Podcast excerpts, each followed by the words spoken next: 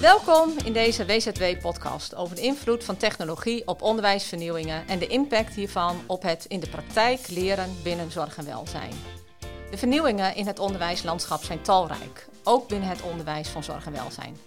Technologie wordt gezien als een van de middelen om maatschappelijke vraagstukken op te lossen en ook in de toekomst persoonsgerichte zorg en ondersteuning te blijven bieden. We zien dat technologische innovaties steeds meer gemeengoed worden in de praktijk van zorg- en welzijnsorganisaties. Vooral de coronacrisis heeft er in het afgelopen jaar voor gezorgd dat dit een grote vlucht heeft genomen. Maar wat betekent dit voor de kennis en vaardigheden van zorgprofessionals nu en in de toekomst? Zodat ze technologie vanzelfsprekend integreren in hun werk en leven. Wat betekenen de technologische ontwikkelingen voor het onderwijs zelf, waarin aandacht is voor zorgtechnologie? Zowel voor startende studenten als voor bij- en nascholing in het kader van leven lang ontwikkelen. Dit vraagt iets van de docent, de student, de al werkende zorgprofessional en de werkgevers. Het raakt alle betrokken partijen. In deze podcast gaan we daar verder op in. Ik ben Ineke Slachter, senior programmamanager bij de werkgeversvereniging Zorg en Welzijn. En over dit vraagstuk spreken we vandaag met drie gasten. Namelijk Jos Groeneveld. Jos is practor tech-adoptie bij Rijn-IJssel en ROC Nijmegen. En hij is ook nog docent onderzoeker bij Saxion. En de tweede gast die we spreken is Alicia Verlinde. Zij is zorgregisseur en aandachtsvelder technologie en mondzorg bij ouderenzorgorganisatie Attent Zorg en Behandeling. En last but not least, Maarten van den Bos is onze derde gast. Hij is adviseur digitale onderwijsinnovatie bij de Radboud Health Academy. Welkom alle drie. Ja, nou en dan gaan we direct uh, bij de eerste vraag uh, stilstaan. Uh, want dat is misschien wel de basis. Wat zijn nu eigenlijk de kernkwalificaties die elke zorgprofessional zou moeten bezitten? En Sjors, jij bent daar uitgebreid mee bezig geweest met collega's in het land. En jullie ja. hebben het V-model ontwikkeld. Ja. Zou je ons daar meer over kunnen vertellen? Ja, het V-model is eigenlijk um, ontstaan omdat we zien dat het werkveld waarin we werken verandert.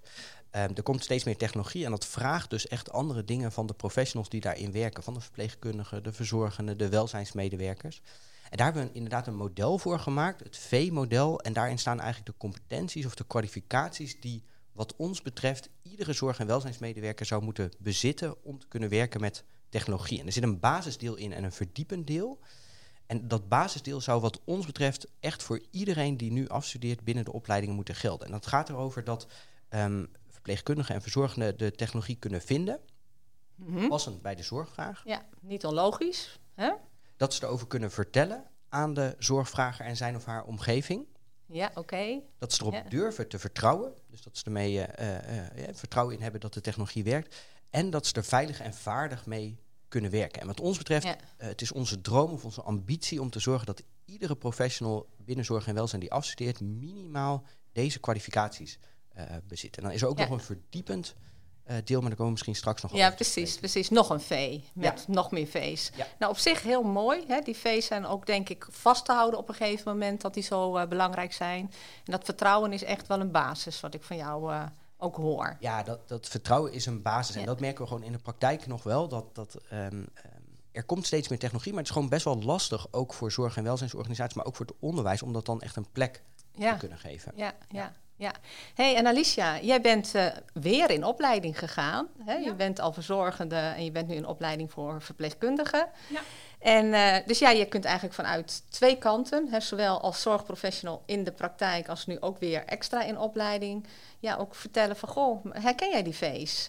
Ook in de praktijk en in je opleiding. Ik denk dat het tot nu toe echt nog een, ja, toekomstgericht is. Dus dat het in de toekomst dat dat zeker moet gaan komen. Maar inderdaad, wat George ook al aangaf, is het vertrouwen is er nog niet altijd. En dat komt ook natuurlijk omdat het nog in ontwikkeling is. Want ik geef dan even het voorbeeld robotmaatje. Die hebben wij dan geïntroduceerd op ons werk. Dat is een heel klein robotje. Die kan je persoonsgericht inzetten.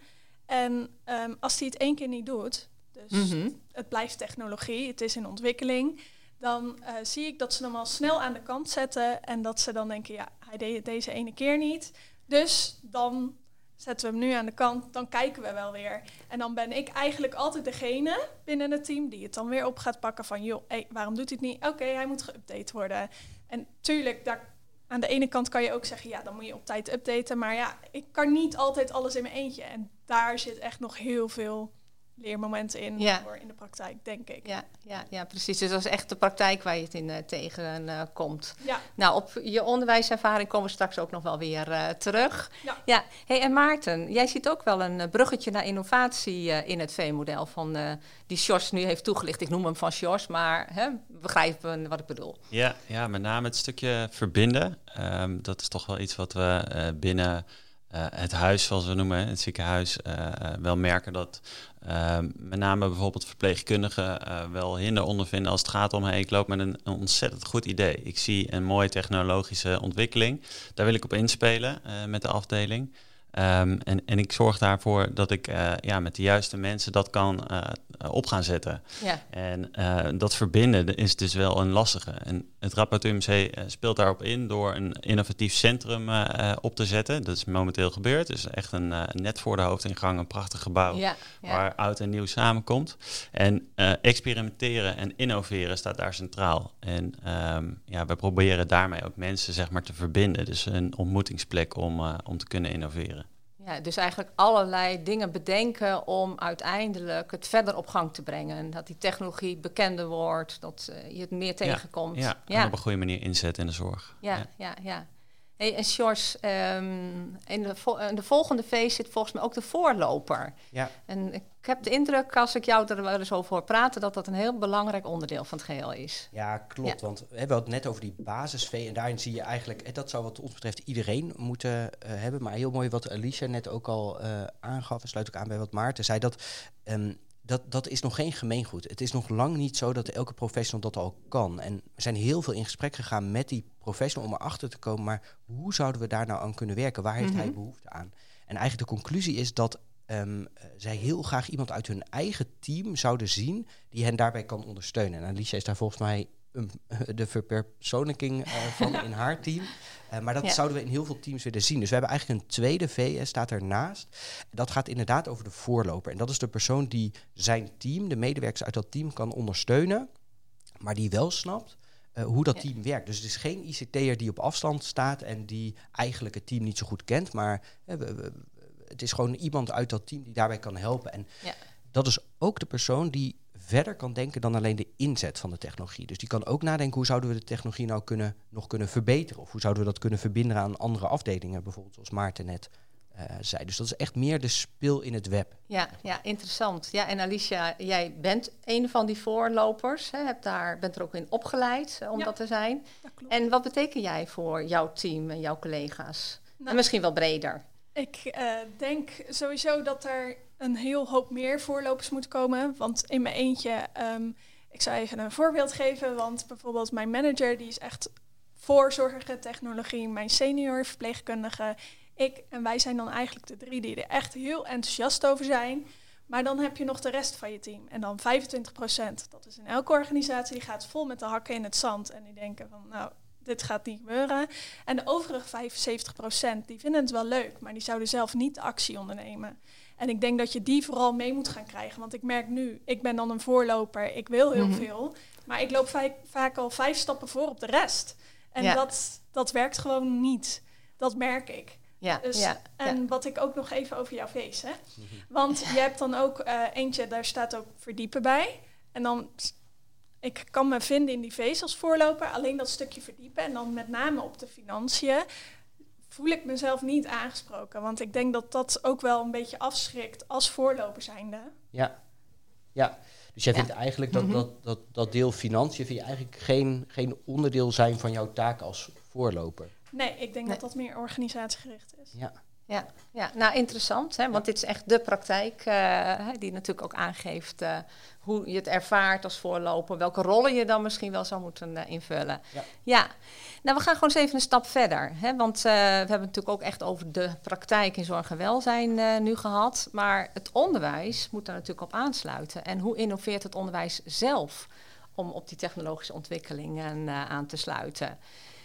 Maarten, eh, jij bent daar in de praktijk gewoon heel erg uh, mee bezig. En uh, ja, ik ben wel benieuwd, heb je ook een voorbeeld hoe juist jullie in het onderwijs aan het vernieuwen zijn en dat die technologie een plek verder gaat krijgen? Ja, zeker. Wat we, ja. wat we zien is dat we meer gaan richting flexibilisering van onderwijs. Um, modulair onderwijs, dus hè, meer in stukjes opgebouwd. Um, en dan betekent dat eigenlijk ook meer richting het werkplek leren. Um, en naast dat werkplek leren zien we dat we uh, bepaalde kennis of bepaalde vaardigheden op bepaalde momenten nodig hebben. Dus echt het performance support. En juist op dat moment het aanbieden van, uh, van, van ja, specifieke uh, competenties hè, of het ontwikkelen daarvan. Um, ja, daar, zijn we, daar, daar zitten we momenteel wel veel in. Maar corona heeft natuurlijk ervoor gezorgd dat het best wel een lastige tijd is geweest om, om echt veel te kunnen leren. Hè. Een hoge mm -hmm. werkdruk, um, de scholingsdagen die bijvoorbeeld niet doorgingen. Maar ook situaties die, ja, waarbij je in de praktijk niet, niet even makkelijk kon, kon gaan, gaan leren. En er was een internist, Maarten van den Berg, en die dacht van, joh, volgens mij moeten we hierop in kunnen spelen, die situaties na kunnen bootsen, zodat de um, studenten daar ook gewoon veel beter op in kunnen spelen. Ja. En, en, en wat, heeft hij, wat heeft hij gedaan dan? Ja, wat hij heeft ja. gedaan is een, uh, een, een 360 graden video gemaakt. Ja? Die in een VR-bril uh, uh, gezet. En zodat studenten um, ja, bijzondere complexe situaties konden oefenen. We denken bijvoorbeeld aan het beademen van een, een coronapatiënt. Mm -hmm. ja. een, een, kijkje op de afdeling van de corona. de corona-afdeling, de corona-IC. Ja, want het is natuurlijk wel heel interessant wat je, wat je aangeeft. He, want hij uh, is naast dat hij uh, als professional aan het werk is, he, als internist, uh, is hij ook docent. want hij doet bij een nascholing. En hij verzint dit zelf. Ja, hij klopt. ziet zelf van, goh joh, weet je, als je echt iets wil overbrengen, dan moet het anders. Ja. Misschien wel door corona beïnvloed, maar een heel, heel mooi voorbeeld. Ja, ja. Mag ik ook ja, nog even? Zeker. Maar dan hebben jullie daar wel extra op mensen ingezet mensen op ingezet, want die filmpjes en alles moeten wel gemaakt worden. Dus ik vind het zeker heel mooi. Maar als ik dan even kijk van bij mij uit de praktijk, ik zou niet weten waar wij die mensen vandaan moeten halen, hoe we dat voor ons. Ja, ik zou je vertellen, hij doet dat zelf. Dus hij, hij heeft het helemaal zelf opgezet. Hij loopt bijvoorbeeld zelf ja. met een camera op zijn borst of een, een, zo'n joystick in zijn hand met daarop een 360 graden camera. Als al vloggend, zeg maar, uh, tussen de bedrijven door. Dus dat is. Uh, ja, ik ja. vraag me ook wel eens af wanneer die slaapt. ja, precies, precies. Maar het zijn de inspirerende voorbeelden natuurlijk. Ja. En daar ben ik ook wel benieuwd, George. Want uh, jij bent natuurlijk ook als practor gewoon heel erg bezig om ook binnen dat onderwijs te vernieuwen. Ja. ja. En uh, ja, hoe, hoe, hoe gaat dat? En uh, wat, voor, wat voor stappen ben jij daarin aan het zetten? Ja, nou ja, we zien um, eigenlijk is iedereen, elke docent en elke onderwijsinstelling is er eigenlijk wel mee eens. Die, die technologie moet een plek krijgen in het curriculum, in, in, in de lessen, etc. Ja. Um, maar docenten zijn net mensen. Uh, en ook voor docenten, ja, en ook voor docenten is het soms best wel lastig om uh, die technologie in hun eigen lessen een plek te geven. Hè. Ook, ja. ook, de docenten, net als verpleegkundigen of verzorgenden, zijn nou, soms niet opgeleid en opgegroeid met die technologie. Mm -hmm. En dat is voor ons wel echt een belangrijke factor. Want als we die technologie in de opleiding willen hebben, hebben we de docenten nodig die dat een plek gaan geven. Ja. Ja. Dus wat we bijvoorbeeld gedaan hebben, is een leerarrangement gemaakt voor de docenten om hen te begeleiden om in hun eigen lessen die technologie een plek uh, te kunnen gaan geven. Ja, en kan je daar een voorbeeld van geven hoe ze dan in uh, echt die praktijk van hun lessen het uh, inbedden? Ja, nou, een, een, een, voorbeeld daarvan is bijvoorbeeld, en dan, dat is ook weer een bruggetje naar het V-model, waarbij we Um, um, bijvoorbeeld met studenten aan de slag zijn gegaan. Studenten mogen een eigen app ontwerpen. En voorheen hoefden ze alleen maar een app te vinden, bijvoorbeeld voor iemand met diabetes. Mm -hmm. Gingen ze op zoek naar hè, welke apps zijn daarvoor ja. geschikt. Uh, er was een casus omheen gemaakt. Maar we zijn nu een stap verder gegaan. Hebben eigenlijk tegen de studenten en dus ook de docenten gezegd: uh, jullie mogen die app gaan ontwerpen. Dus hoe zou die ja. eruit moeten zien? En dat is juist die verdiepende V, waarbij we zowel de docent als de student eigenlijk uitdagen om iets verder te kijken dan alleen ja. maar het vinden. Ja. En ook het ontwikkelen. Ja, precies, precies. Ja, ja dat is mooi. Dat verdiepen uh, hè, zowel uh, bij de docent als de student. Ja. Uh, door ze uit te dagen. Want ja. ik hoor duidelijk een uitdaging. Daar zit een uitdaging. Ja. En dan ben ik wel benieuwd, Alicia, om jou even te horen. Want ja, jij bent natuurlijk weer een opleiding. En wat voor tip heb jij voor het onderwijs? Hè, wat jij nu ervaart, hoe juist in het onderwijs en door de docenten technologie een plek wordt gegeven? Ja, eh, wij hebben ja. inderdaad tien weken hebben we dan inderdaad een, een ja, leerarrangement over zorg en technologie. Mhm. Dat is dan aan het eind van je opleiding. Die heb ik dan ook bij eh verzorgenden gehad. Ja, Maar dat is tien weken waarin dan eigenlijk volop aandacht is voor zorg en technologie. Je moet daar een verslag van maken. Nou ja, en als ik zag wat mijn medeleerlingen deden, was dat ze ei- heel makkelijk eh, nou, de robotkat, de robothond gebruikten. Maar eigenlijk niet die verdieping opzochten. Terwijl ik dat juist hoop dat dat vanuit het onderwijs veel meer wordt gedaan. Want ja, je wilt toch juist dat de leerlingen, die moeten juist de praktijk gaan prikkelen om het nieuwe te gaan gebruiken. Wat ik ook zie als ze bij ons stage lopen. Je gaat heel makkelijk weer mee in die workflow. Wilt de rest het niet? Oké, prima. Je bent even één week enthousiast. Ja. En daarna is gewoon heel die prikkeling is eigenlijk weer weg. ja. Dus het zou juist mooi zijn als ze daarin geprikkeld zouden blijven worden. En niks tegen mijn docenten, want ik vind ze echt goede docenten. Maar ehm, wat ik zie is dat sommigen bijvoorbeeld al moeite hebben met een laptop opstarten en een PowerPoint opstarten. Dus daar is denk ik nog heel veel in te halen. Nou, eigenlijk hoor Ja. ik je zeggen dus dat die, dat die duur, hè, dus van tien weken, eh, Ja. dat het eigenlijk te kort is om, om echt die veranderingen, eh, want wij hebben het over gedrag, we hebben het over competenties ontwikkelen, Ja. dat Ja. het eigenlijk te kort is om, eh, ze, om dat echt je eigen te maken. Ja. Ehm, wat wij zien binnen het Rabout UMC is dat we dat binnen, ehm, hè, als, we, als we straks een ziekenhuis van de toekomst willen blijven, moeten, zullen we blijven innoveren.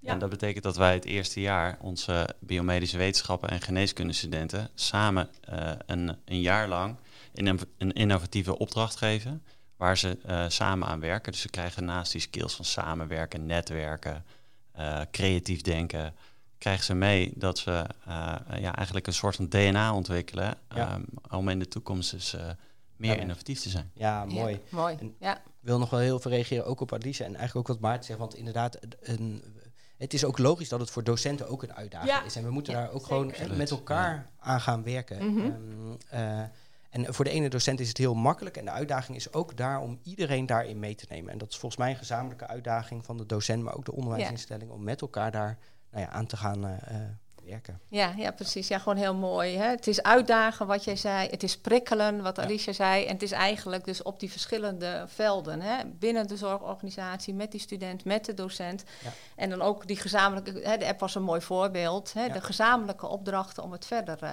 te brengen. Ja. Dat, eh, dat zie ik er wel als een rode draad doorheen eh, lopen. En ontwikkelingen gaan ook zo snel dat we ook niet mogen verwachten dat iedereen het maar eventjes weet. We- Ja. Het is ook in beweging, dus we moeten dat ook met elkaar zo benaderen. Ja, ja, ja, precies. Ja, het is echt eentje naar de toekomst. Ja, Alicia, volgens mij had je nog iets interessants toe te voegen. ik wilde graag nog wel wat toevoegen. Maar ik Ja. denk ook vooral de bewustwording voor de toekomst dat het echt wel erin gaat blijven. Dat het niet, niet meer weggaat. En ik denk dat daar ook nog wel veel in te halen valt. Dat sommigen denken nu, tenminste dat merk ik in de praktijk, van het is tijdelijk en persoonsgericht. We zijn nu heel erg bezig met die persoonsgerichte zorg. Maar ja, het is gewoon echt de toekomst. Ja. Het vraagt Ja, eigenlijk zelfs het- om het, het adaptieve vermogen. Hè? Dus, Ja. dus hoe flexibel eh, eh, kun je zijn als het gaat om dingen die zo snel veranderen. Ja. Hè, je wilt morgen inzetten, maar overmorgen is het weer, Ja. is het Ja. alweer oud. Ja, ja, precies. En, en dus adaptief vermogen naar iedereen eh, Ja. toe. Hè? Het is naar Ja. onderwijs, naar Ja, zorg, nee, naar iedereen eh, is dat adaptieve. Ja. het is misschien wel een uitdaging die we met z'n allen hè, in de wereld waarin we leven op dit moment eh, ook een hele belangrijke is. Absoluut. Ja, en als we naar die toekomst eh, verder kijken, hè, als we dan eh, nog even proberen samen te vatten, hè, die veranderingen, wat die betekenen voor iedereen. Jos, zou je nog kunnen samenvatten van, maar dit betekent het echt voor een docent? Nou, ik denk ehm, eh, dat, het voor een dat de rol van de docent ook gaat veranderen. In lijn met wat Maarten net zei. Weet we, we- we weten niet wat er morgen is. Laat staan dat we weten wat er overmorgen is. Ja. Laat staan dat we weten wat er is als die student Ja. eenmaal aan het werk eh, is. Ja, En dat ja. vraagt dus van de docent ook meer een coachende rol en minder een echte traditioneel onderwijzende rol. Van Ja, de ik sluit docent. me helemaal bij aan. Ja. Juist, Ja, juist die coachende rol is, hè, daarmee geef je veel, veel meer de regie ook aan de, aan de lerende zelf. Ja, Ja. Precies. en, exact. en de Ja. rol van de docent is dan meer het begeleiden van het leerproces en Exact. minder vertellen hoe het zit. Eh, Ja, Want ja. een docent kan Ja. dat gewoon simpelweg niet. Nee, precies. En Alicia misschien wel, hè, die uitdagingen die die docent dan ook kan hebben voor die student. Van ja, je kunt wel hè, de hond pakken, hè, de robothond, hè, de bekende die iedereen ondertussen wel kent. Maar je zou ook nog iets anders kunnen doen. Hè. En hoe kan die docent inderdaad op die manier prikkelen hè, om dat ook te doen? Ik denk ook inderdaad het blijven vernieuwen. Dus dan het, inderdaad dat je aandraagt wat, wat is er nu, wat, wat kan er inmiddels. En dan, um, ik denk ook dat de leerlingen, dus de studenten, veel meer kunnen betekenen voor de praktijk. Dat die het mee kunnen nemen vanuit school. Bijvoorbeeld, ik heb aan het eind uh, van mijn opleiding voor verzorgenden dan een uh, symposium moeten doen.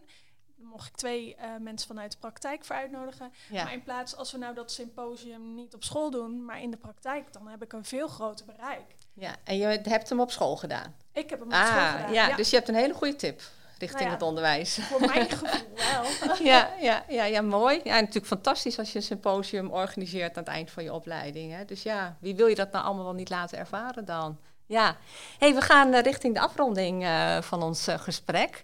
En ja, eigenlijk zou ik het gewoon heel mooi vinden om van jullie alle drie jullie droom te horen. Van goh joh, als je nu naar die toekomst kijkt, wat is voor jullie nou eigenlijk de droom? Als je denkt aan hè, die vernieuwingen in het onderwijs en die technologie die zo'n grote rol daarin uh, speelt. Um, Maarten, kan ik bij jou uh, starten? Zeker. Of wil je nog even nadenken? Ja, ik moet altijd wel een beetje nadenken. Ik denk Ja. dat dromen ook wel uh, bijgesteld kunnen worden. Absoluut, Ehm, hè? Daarvoor ja. zijn het dromen. Dat precies. is zo Nou, mooi. En we, we kijken veel meer uh, natuurlijk nu naar uh, patiëntgerichte zorg en hoe we dat Ja. veel meer af kunnen stemmen. Ik denk dat we nog wel wat te winnen hebben als het gaat om het afstemmen van uh, het opleiden voor onze zorgprofessionals. Hè? Om dat zeg maar meer op, op wat zij uh, nodig hebben, dus wat meer op behoeften en ook op uh, persoonsniveau. Dus niet zozeer van uh, we pakken het gros. Ja, Um, Ja.